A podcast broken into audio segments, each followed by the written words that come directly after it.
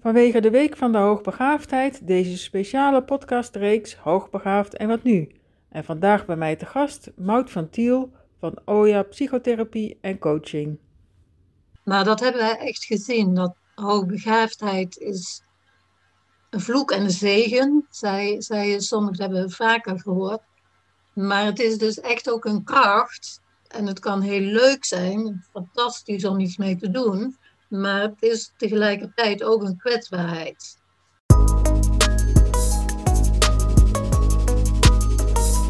Fijn dat je luistert naar deze speciale reeks Hoogbegaafd en wat nu.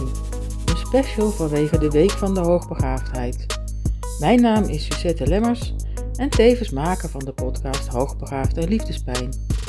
In deze speciale reeks neem ik jullie mee in mijn speurtocht naar antwoorden op vragen zoals: Zijn er specifieke kenmerken waardoor ik erachter kan komen dat ik hoogbegaafd ben? Ik ben alleen hooggevoelig, maar heb geen universitaire opleiding afgerond. Kan ik dan toch hoogbegaafd zijn? In deze week van de hoogbegaafdheid iedere dag inspirerende interviews met experts op het gebied van hoogbegaafdheid, waardevolle inzichten en praktische tips wat je kunt doen als je net hebt ontdekt dat je hoogbegaafd bent. Stel je voor en hoe is je weggelopen tot hoogbegaafd coach? Ik ben uh, geen hoogbegaafde coach, maar psychotherapeut. Ik doe ook wel, wel coachwerk, maar um, dat is eigenlijk uh, betrekkelijk gering. Ja, ik ben van huis uit gezinssocioloog en sinds 1996 psychotherapeut. En ik heb een carrière switch uh, doorgemaakt. En in 2003 ben ik uit de reguliere GGZ gestapt en ben ik een eigen praktijk begonnen. Eigenlijk vrijwel direct voor hoogbegaafde volwassenen. Ik liep namelijk als een speer, dus ik hoefde helemaal geen andere, andere specialisaties of wat ook te ontwikkelen. En ik vond het heel erg leuk. Ik, kwamen ze uh, vanzelf bij jou op jouw pad? Of hoe, hoe ging ja, dat? Ja, ik had... Uh, ik denk dat een beetje bekendheid via Mensa is gelopen in de aanvang. Maar al, al heel snel stroomde mijn wachtlijst over. Daar hoefde ik eigenlijk niks voor te doen. Nee, dus de behoefte was er zeker wel om, om begeleid te worden. Ja. Ja, ja. ja. ja. En toen de tijd was er ook toen... minder over bekend, hè? Over uh, hoogbegaafdheid. Nou, hoogbegaafdheid wel, maar vooral bij kinderen. En um, hoogbegaafdheid bij volwassenen, dat was eigenlijk nog hier, zeker hier in Nederland, betrekkelijk onontgonnen gebied. Dat is nu wel beter, gelukkig. Maar toen was dat echt nog iets uh, waar niet zo heel veel, uh, zeker niet van Nederlandse bodem over bekend was. En ik heb toen um, bij Mensa, heb ik Nox Nauta ontmoet en Frans Korte en Willem Kuipers. En met z'n vieren hebben we toen eigenlijk gezegd van nou, uh, die, die hoogbegaafde volwassenen, die verdienen onderhand ook eens een beetje wat professionele aanpak. We zijn post met elkaar opgetrokken, van alles opgestart. Um, in 2008 heb ik toen een onderzoek gedaan uh, samen met een panel van twintig hoogbegaafde experts. En daar hebben wij het uh, Delphi-model ontwikkeld. Ik weet niet of je dat kent. Ja. Ja, dat is deze. Ja, kan je dat... Uh, ja, ja, ja, we hebben nu luisteraars, dus die kunnen het helaas niet... Uh, maar, ja. maar die ken je misschien wel. Dat zijn de tien uh, kernkenmerken van hoogbegaafd. Op die tien eigenschappen scoren hoogbegaafden meestal heel hoog. Maar één van de tien gaat dan over, uh, hoge, of over hoge intelligentie. En de andere negen die gaan over uh, andere kwaliteiten. Maar goed, dat hebben we toen ontwikkeld. We hebben een symposium georganiseerd. Um, en daar was al de roep van er moet iets, een structuur komen, een organisatie of wat ook. Toen hebben we het IABV opgericht, dat ken je wel. Ja, dat is zeker bekend. Daar was, ja. ja, daar was ik de eerste voorzitter van destijds. Helaas vanwege mijn scheiding moest ik daar te vroeg mee stoppen. Maar goed. Maar ik ben wel doorgegaan met mijn werk als psychotherapeut voor hoogbegaafde volwassenen. Um, en wij zijn in dat jaar ben ik even kwijt, maar al meer dan tien jaar geleden zijn we begonnen met groepen voor hoogbegaafde volwassenen, psycho-educatieve groepen. En ook dat liep als een tierenlier.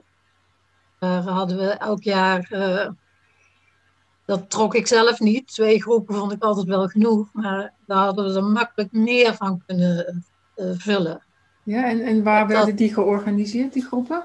In Ede was dat. In Ede, is dat nu nog steeds? Ik deed dat samen met, uh, met ook de co-auteur van mijn boek, Imanda Steve Boom. We hadden daar een structuur voor bedacht dat ze als het ware voor elke bijeenkomst een paar vragen, open vragen gewoon over een bepaald aspect van hun hoogbegaafd zijn, dat ze daar wat gedachten over op papier konden zetten. En die hebben wij met hun toestemming uiteraard uh, bewaard. En na een jaar of tien hadden we dus een ontzettend grote uh, bestand aan data. Kleine stukjes verhaal waren dat allemaal. En die hebben we in, uh, eigenlijk in het kader van mijn promotie, want ik ben het promoveren op hoogbegaafde volwassenen. En in het kader van mijn promotie, dat was mijn klein onderdeel, maar het was heel veel werk. Ja, kan me we Al die tekstjes hebben we die geanalyseerd. En daar, daaruit is dat boek ontstaan. En dat, dat boek, was, uh, dat boek heet, welke titel heeft dat? De kracht en kwetsbaarheid. Dat, dat is ook echt wat wij gezien hebben. Uh, en de ondertitel is over het leven van hoogbegaafde volwassenen. Maar dat hebben wij echt gezien. Dat hoogbegaafdheid is een vloek en een zegen. Zij, zij sommigen hebben we vaker gehoord. Maar het is dus echt ook een kracht. En het kan heel leuk zijn, fantastisch om iets mee te doen. Maar het is tegelijkertijd ook een kwetsbaarheid. In, in dingen je... heel sterk hebt, dan kan dat ook overdreven worden of andere mensen overvleugelen. Of te is nooit goed, hè? Nee, dan nee. wordt het je kwetsbaarheid. En, en kan je een, een, voorbeeld geven van hoe ze dat dan positief inzetten, hoogbegaafdheid? Een van die tien Delphi-variabelen is uh, creativiteit. De hoogbegaafden scoren meestal heel hoog op de variabele creatief. En wij zeggen, wat, wat wij gezien hebben, is dat ze creativiteit vaak, heel vaak in hun leven inzetten voor anderen. En wij zeggen altijd van, je mag het ook wel voor jezelf inzetten hoor. En dan hebben mensen eerst helemaal verschrikt, want ze moeten toch de mensheid dienen met dat fantastische talent. Dan zeg je van, ja, maar jij moet ook op de benen blijven. En gebruik het nou ook voor jezelf als je lastige dingen tegenkomt. Met name sociaal bedoel ik dan, hè. Dan mag je het ook wel voor jezelf inzetten. Dat mag ook wel. Maar als mensen iets hebben gemaakt, ja, ja, ja, ja. Dan, en dan zie je, dan moet je natuurlijk even oefenen, want dat kun je niet zomaar 1, 2, 3. Maar dan zie je wel dat mensen daar lol ook aan gaan beleven. Kijk, mooi. Ja, ja dat is echt heel leuk. En die groepen, bestaan die nu nog steeds? Ja hoor, ja, We, hebben er, uh, we hebben het nu even moeten opschorten vanwege corona. Maar we, we, hebben nu maar even een heel eind opgeschort, want van telkens een paar weken werden we doodziek. En nu hebben we ze opgeschort tot september, maar dan beginnen we weer met vier groepen. En hoeveel mensen zitten erin? Ja, en kan acht. iemand zich aanmelden of hoe gaat uh... Ja hoor, ja dat kan, maar nu zit dus alles al vol. Ja, precies. Ja. De eerstvolgende groep waar ruimte komt is denk ik volgend voorjaar ergens. Het hangt een beetje vanaf hoe de komende coronawinter eruit gaat zien. Ja. Als we weer alles moeten opschorten, dan ja, nou ja, ze maar even niet aan denken. Nee, nee. maar ja, we nee. kijken wel altijd goed of zo'n groep ook iets is voor een hoogbegaafde. Want soms heeft hij andere problematiek, een echte depressie of uh, ziekte in het gezin of een enorm arbeidsconflict. En dan moet je eerst daar aandacht aan besteden. Dan heeft iemand te weinig ruimte om genoeg uit zo'n groep te halen in de algemene hoogbegaafdheidszin. Ja, en voor dus zo kijken, iemand, we, we hebben wel een selectiebeleid. Ja, oké. Okay, want voor zo iemand zou je dan eerder in individuele begeleiding adviseren? Nou, wat ik zeg, iemand bijvoorbeeld die heeft een ziek kind, of die ligt in scheiding, of die heeft echt een arbeidsconflict dat pan uitreist en wat hem op haar helemaal bezet dan heb je gewoon te weinig ruimte voor zo'n groep. Want in zo'n groep ga je echt aan de slag met, met enerzijds elk van die tien Delphi-variabelen en anderzijds met uh, allerlei aspecten van het hele leven. Je jeugd, relaties, werk, opvoeden, middelbare school, studie. Dat zijn allemaal aspecten van het leven die komen één voor één allemaal aan de orde. En tussendoor weven we dan steeds die tien Delphi-variabelen. In totaal zijn twintig bijeenkomsten van drie uur. Dus dat is best, uh, best, intensief. Ja, ik kan me voorstellen, ja. ja. ja, ja. Maar ik, uh, ik, er is nog nooit iemand weggelopen. En ja, een enkele keer is iemand door overmacht um, heeft die moeten stoppen. Of wij hebben gezegd, we hebben ons een beetje vergist en je moet toch eerst wat anders doen. Maar dat is al die tien jaren met twee keer voorgekomen. Verder vinden mensen het fantastisch. Ja, ik kan me wel uh, voorstellen dat er echt wel behoefte aan is. En ook herkenning, ja, dat het heel belangrijk ja. is. Hè? Ja. ja, vooral waar de behoefte aan is, is om te weten waar het dan over gaat. Want zo'n zo'n etiketje hoogbegaafd, ja, ook maar een etiket. Dat roept over het algemeen heel veel weerstand en voordelen, vooroordelen op. En wij zeggen van ja, maar daar gaat het eigenlijk amper om. Het gaat om die tien dingen. Die tien eigenschappen die jij dus heel veel hebt. En daarvan moet je weten, waar gaat dat dan over? Hoe komt dat tot uitdrukking in mijn leven? Waar ben ik er tegenaan gebotst? Heb ik me echt gestoten? Ja, echt, wat doet het in mijn leven? Dat ik heel creatief ben, heel sensitief, heel veel fantasie heb, eh, heel erg gemotiveerd ben, echt dingen maak. Daar heb je allemaal heel veel van in huis, van kwaliteiten. En dat doet wat. Dat doet wat met jezelf, dat doet wat met je omgeving. En daar geven wij ze wat inzicht in. Wat is het? Hoe werkt dat?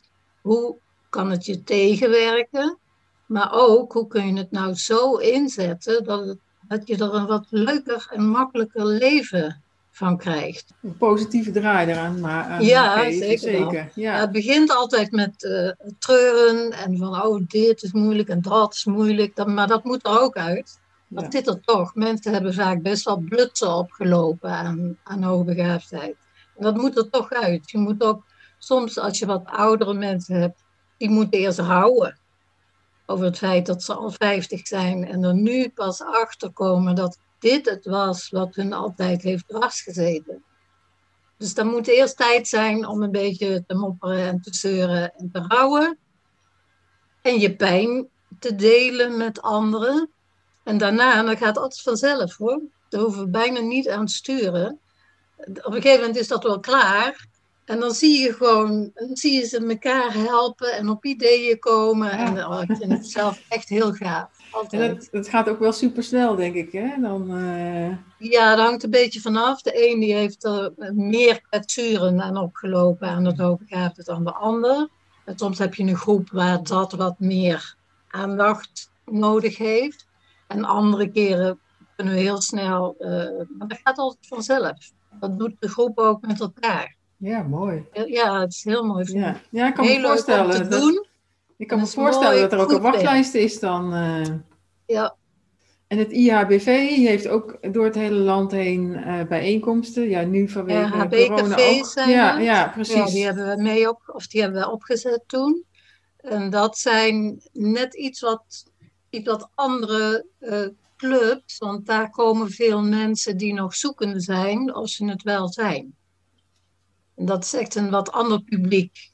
Bij mij komen meestal mensen die uh, nou, niet helemaal direct of net pas weten, uh, maar, maar nog niet zo heel lang. En die zoiets hebben van, ja, wat moet ik ermee? Wat kan ik ermee? Wat verklaart het misschien?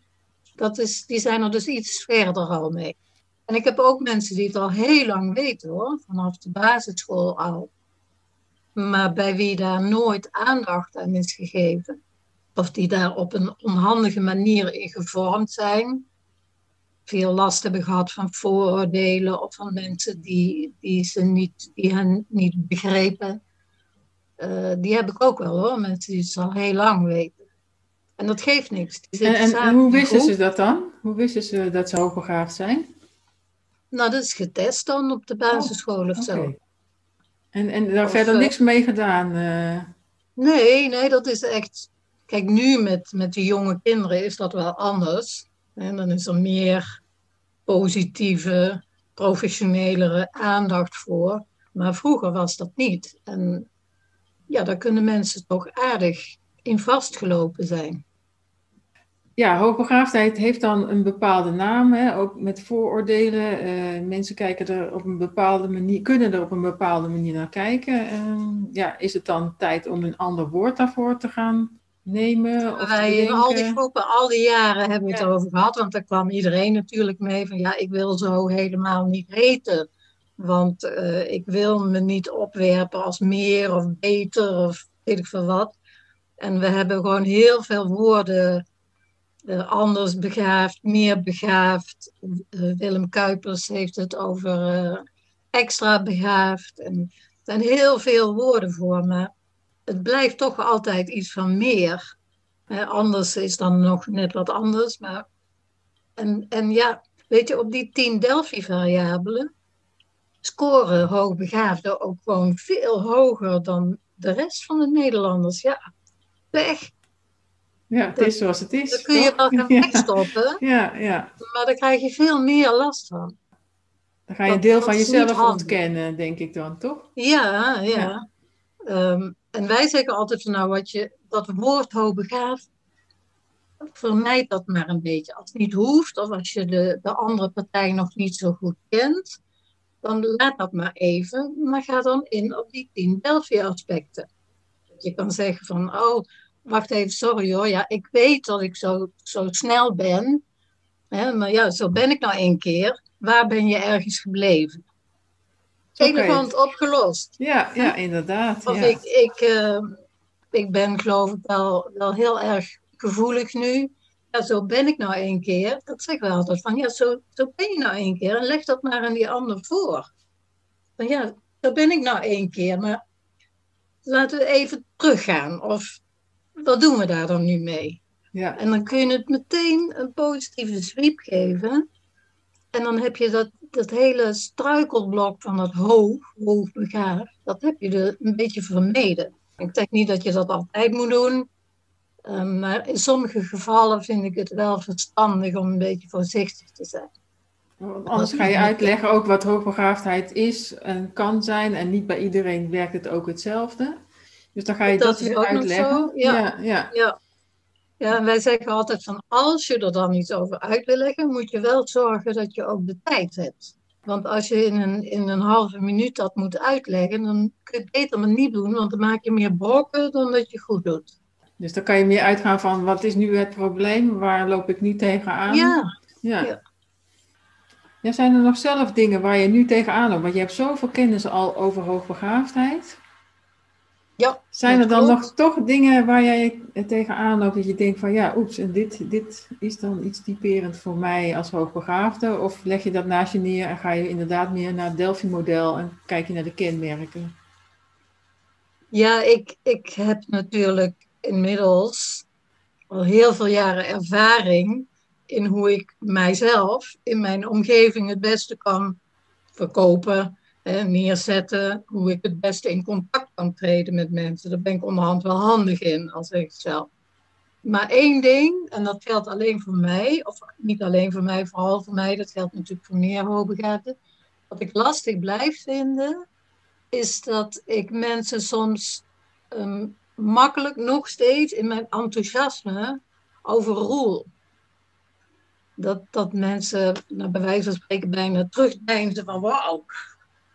En dat is, soms is leuk, want dan kan iemand van, soms kan iemand daarvan genieten of erin meegaan. Of die heeft dat nou net nodig en oh, dat is fijn. Maar andere keren merk ik gewoon dat dat toch ook, ja, een soort hitte die je uitstraalt of zo echt doen. Dat kan. Nee, en, en, kan je daar een voorbeeld van geven? Is dat je iemand dan overweldigt? Of hoe, hoe kan ik dat Ja, en dat is vooral met te groot enthousiasme. Ja. En dat kan zich dan in van alles uiten. Dat je meteen iets wil gaan doen.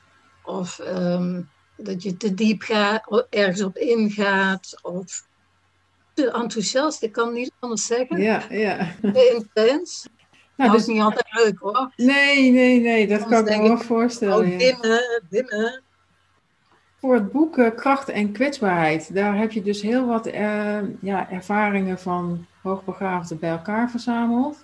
En ja, wat voor beeld kwam, ja, wat was eigenlijk de aanleiding voor het boek? En aan het promoveren. Ik wist toen al, toen ik daarmee begon, want dat is een tienjaren project. Maar toen ik daarmee begon, wist ik al dat dit databestand aan het groeien was. Ja, ik heb het gewoon opgenomen in mijn uh, promotieprogramma. Nou, zo, ja, op een gegeven moment heb je dan echt te zeggen van, nou, nu weten we wel genoeg. Hè? Na tien jaar zie je ook heel veel dingen opnieuw terugkomen. Dus dan kun je zeggen van, nou, we hebben het hele spectrum wel zo ongeveer. Toen hebben we besloten, die tien jaar pakken we. Ja, en dan ga je dus op, uh, dat is echt monnikenwerk. Ja, kan me voorstellen. Al die stukjes tekst, die waren dus een beetje geordend hè, naar Delphi-variabelen, naar levensaspect of levensfase. Dus dat was gelukkig wel. Maar dan nog heb je uh, ontzettend veel tekstmateriaal. En dat zijn allemaal dagboekachtige fragmenten. Dus dat zijn geen keurige zinnen. We hebben geprobeerd om er een uh, programma op los te laten wat taal analyseert. Maar dat ging niet, omdat er gewoon, weet je, uh, punten ontbraken, spelfouten, halve zinnen, uh, losse woorden. Dus dat, dat, dat, programma kwam er niet uit. Dus we moesten het uiteindelijk echt allemaal met de hand doen. Dat was echt enorme klus. Ja, kan ik heb gezegd dat dat doe ik één keer en nooit weer. Ja. maar er kwam wel een schat aan informatie uit dan. Ja, echt wel. En wat het leuk is, dus over elke Delphi-variabele hebben we heel veel informatie in de zin van in hoeverre herkennen die hoogbegaafden dat nou? En in welke zin herkennen ze het? Welke kleurnuances geven ze eraan?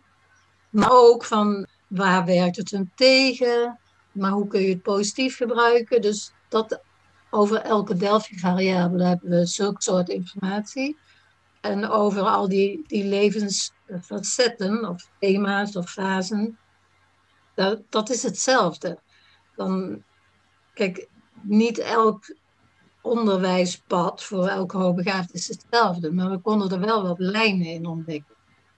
De een mooi, echt mooi resultaat vond ik dat wij, dat is dan op herinnering van onze cursisten, echt wel konden zien dat de meeste hoogbegaafden best wel lekker in hun velletje zitten totdat ze naar school gaan. En dan komen ze dus uh, in contact met, met uh, andere kinderen die echt heel veel van hun verschillen. Met andere volwassenen die niet zo begrijpend zijn als hun meestal hoogbegaafde ouders. En dan zie je dus allerlei dingen scheef lopen. Dat vond ik wel, eh, ik denk van, oh, maar daarvoor is het nog goed. Dus dan, ik denk van, ja, hoe kan je dat nou vasthouden dan? Ja. Dat kan wel hoor, maar het is goed om te weten dat dat het voor kinderen een heel belangrijk moment is. Dat ze naar school gaan, in een klasje komen. En tegenwoordig heb je natuurlijk op kinderdagverblijven dat het misschien toch al wel eerder inzet.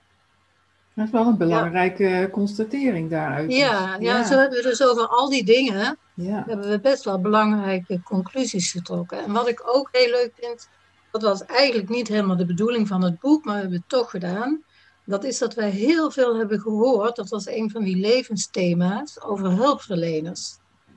Dus al die cursisten, die waren bijna allemaal al één of meer keer met de hulpverlening ooit, al was het bij een schoolpsycholoog, in aanraking geweest. En daar hebben we dus ook veel vragen over gesteld. En daar hebben we heel veel van geleerd. In de zin dat we dus eigenlijk best goed konden opschrijven van wat een hulpverlener nou net niet moet doen. En wat hij juist wel moet doen. En welke aanpakken geheid fout gaan. Hè, als onze populatienorm. Ja. Dat is natuurlijk een beetje vertekend betekent in die zin dat het allemaal mensen zijn die tegen die hoogbegaafdheid zijn aangebotst. En niet elke hoogbegaafde loopt daar blutsen aan op. Ik heb ook wel ervaring in de hulpverlening. Dus ja, En toen zag ik zelf niet van, dat komt door mijn hoogbegaafdheid. Dus hoe weet een hulpverlener of degene die tegenover hem zit of haar, ja, of dat, of ja, te maken met iemand die hoogbegaafd is. Ja, precies. Ja. Nou, het meest opmerkelijke was nog wel dat wij dan soms uh, onderzoeksverslagen, psychodiagnostische onderzoeksverslagen van onze cliënten kregen. En dat het daar gewoon in stond. IQ 140. En dat, dat was één zinnetje. En, dat, en, en, dan vroegen wij zo van, en is daar nooit niks mee gedaan? Nee. Soms wisten mensen op dat moment zelf niet eens dat dat heel hoog was. Maar goed, dan heb je dus een IQ.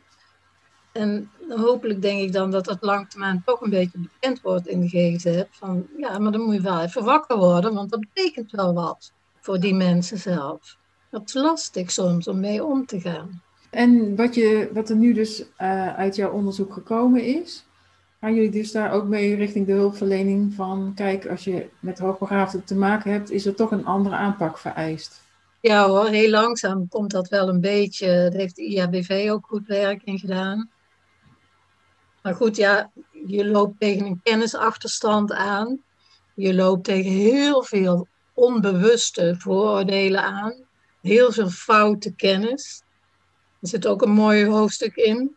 Wij kwamen bij die groepen nou tientallen verschillende soorten vooroordelen tegen. Allemaal netjes verzameld en ontleed. Kan je zo'n paar uh, aangeven? Um, nou ja, de hele, hele bekende is wel dat hoogbegaafden allemaal goed zijn in wiskunde. Ja. Niet zo, hè? Of dat hoogbegaafden zichzelf altijd in de weg zitten. Dat zijn maar zielige mensen. Een beetje sociaal onhandig en uh, neurderig. Ja, die zitten zichzelf vooral in de weg.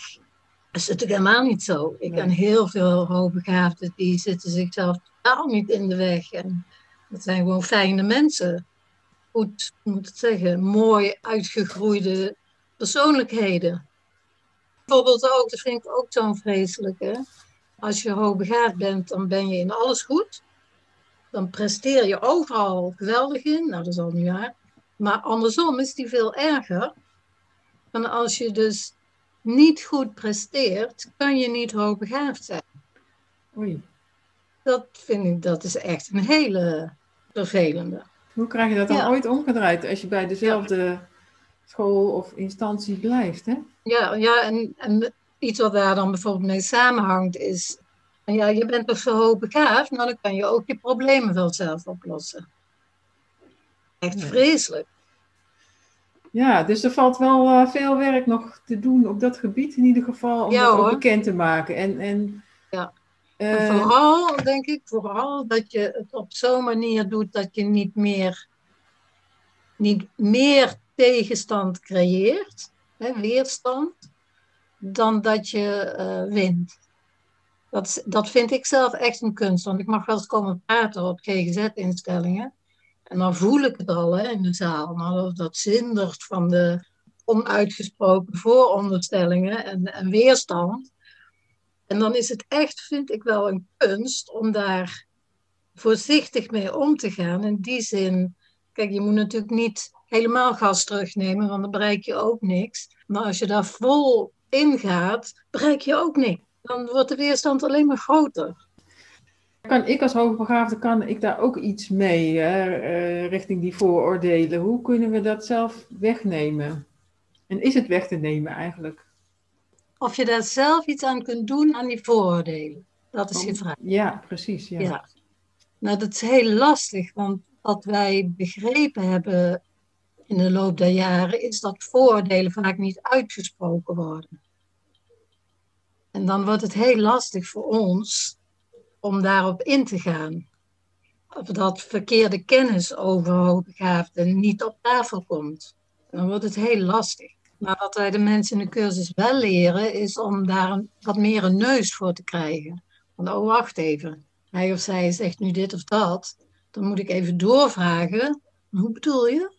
Of hoe, hoe, kom je daarbij? Niet vervelend of verwijtend, maar er gespitst op zijn dat, dat er bij andere mensen foute kennis over hoogbegaafdheid en ook ja, verkeerde oordelen over hoogbegaafde leven. Dan moet je een beetje gespitst op zijn. En het dan op een wat soepele manier. Best nog wel een kunst hoor. Een beetje op soepele, vriendelijke, leuke, kan best manier even, niet te lang, ter sprake brengen. Dat moet je leren. Dat, dat is echt, uh, in het begin zie je dat heel onhandig doen. En, maar na verloop van tijd wordt dat een, een soort van speelsigheid die heel goed werkt. Dat je ook een beetje om jezelf kan lachen. Ja, een beetje humor erin uh, is Ja, goed, een beetje zelfspot. En dat werkt gewoon heel goed in de sociale contacten. En ook om mensen wat losser te krijgen in hun denken en hun uitwisselen met mij over wat hoogbegaafdheid dan is. En waar dat allemaal speelt. Ja, dat boek is, is heel erg, um, dat biedt mensen heel veel herkenning. Van, oh, ik ben niet de enige die met dit soort dingen allemaal worstelt. En oh, er zijn er meer. Dat is zo'n weldaad op zich al in die groepen. Maar ook van mensen die het boek lezen, dat ze echt denken van, ah, gelukkig, ik ben niet alleen. Gelukkig, er zijn kennelijk een heleboel andere mensen, helaas slechts maar 2% van de bevolking, maar die hier ook mee worstelen en tegenaan geknald zijn. Dat, uh, dat vind ik wel, en, wel, mooi aan dat boek. En als je dit boek gelezen hebt, dan. Ja, dan, dan snap je waar dat hoogbegaafde over gaat. En wat je daaraan allemaal kunt beleven of oplopen. Herken je dat. En wat wij dan ook doen, en dat, met zo'n boek is dat natuurlijk iets minder, maar in die cursussen gaat het beter, dat we mensen helpen om daar proces in te krijgen. Dat is natuurlijk toch anders dan een boek lezen. Ja, precies. Want ik dacht van ja, dat boek is wel mooi om te lezen qua herkenning, maar je wilt het natuurlijk ook in de praktijk toepassen. Dus dan is zo'n groep die jullie hebben opgericht mooi om dat te ervaren hoe dat dan ook is. Dus ja, nu kunnen ze niet met die groep uh, deelnemen, maar zijn er andere manieren uh, ja, hoe je dat dan wel zou kunnen aanpakken? Ja, ik heb, um, er zijn een aantal coaches die werken met groepen voor hoogbegaafden. Meestal, vaak in ieder geval ook met dat Delphi-model. Gewoon een, makkelijke groepsprogramma. Dat, dat is prima dat dat gebeurt. Ik zou willen dat Mensa er wat meer mee doet eens geprobeerd of we binnen Mensa cursus mogen geven, maar dat mag dan niks kosten. Maar ja, ik moet ook eten, zeg je dan. Dus dat is lastig. Eh, de HB-cafés lenen zich daar wat minder voor. Gebeurt wel hoor, daar. Dan komen mensen toch een paar keer terug en die hebben dan echt wel wat aan elkaar. Ja, ik, ik weet verder ook niet. Eh, de, de reguliere GGZ, daar is het gewoon verzekeringstechnisch gezien heel lastig om zulke groepen op te zetten. Dus ja, het blijft een beetje worstelen omdat je met zo weinig bent. Hè? Ja, dus er zou iemand op moeten staan of een soort stichting waar je dat dan uh, landelijk zou kunnen regelen. Ja, ik heb geprobeerd om een um, soort uh, topreferente kleine instelling in GZ-land te worden. Maar dat stuitte bij de verzekeraars op uh, weerstand. Want die zeiden van ja, is hoogbegaafdheid nou een ziekte dan? Oh nee. Ja, en dan, dan vergoeden ze het niet, want het is geen ziekte. Ja, dat, dat liep daar op stuk. En ik heb gepraat als brugman, want ik zeg van ja, maar je kunt er wel, als je het onhandig neerzet, of het wordt verkeerd begeleid, kan je, kan je er wel heel ziek van worden. Ja, maar nee, moesten maar naar de gewone depressiebehandeling en de angstbehandeling. En, wat ik me ook afvroeg, ja, uh, je bent al tien jaar geleden bij gestart met zo'n groep. Heb je ook nog mensen van die eerste groep, heb je die uh, de laatste jaren ook teruggezien? Nou, niet in de praktijk, maar wel met goede berichten. Met goede berichten? Dat is echt wel ah. heel leuk, ja. Je, Ziet, je, je, ziet of je leest dat ze echt wel stappen vooruit gegaan zijn door zo'n groep. Nou ja, als ze bij mij weggaan, en meestal is er ook nog een individueel stukje naast of na de groep en dan zie je hoe ze weggaan in vergelijking met hoe ze kwamen. Dat vind ik altijd al een wonder.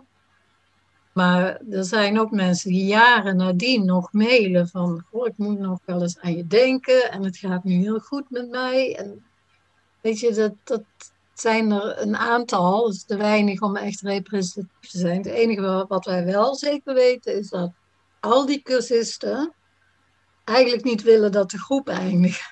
Sommige van die groepen bestaan ook nog. Dat vinden ze allemaal jammer.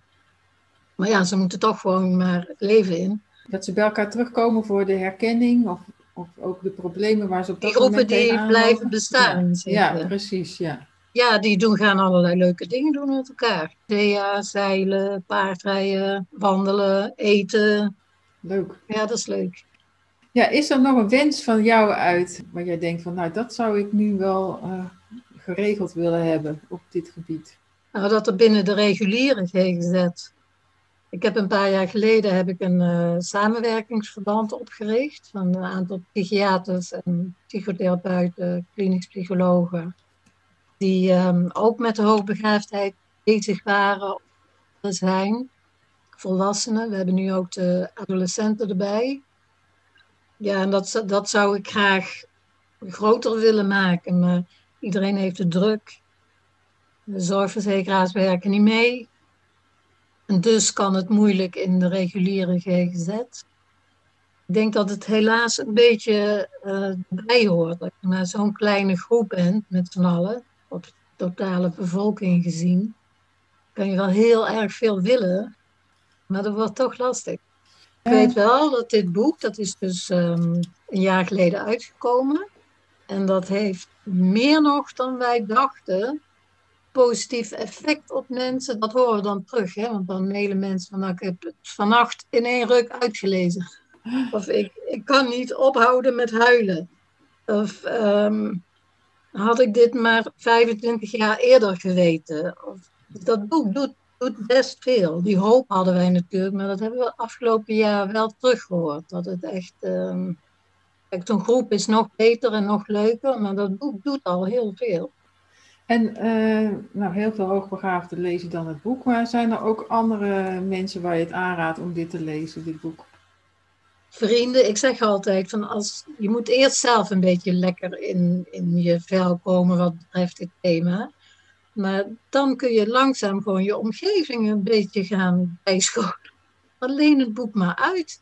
Een vriendin, aan een docent, aan je hulpverlener, aan eh, opa, eh, of een nicht. Of... Ja, dat, dat hoor ik wel veel terug, dat ze dat dus doen. En dat dat dan een heel fijn hulpmiddel is bij een gesprek. Niet in de laatste plaats dus docenten en coaches en hulpverleners, psychiaters, bestuurderen in het onderwijs. Die moeten toch dat, dat er wat meer aandacht voor komt, moeten die faciliteren. Op de universiteit ook. Maar vooral ja, gewoon mensen om je heen, professionals om je heen.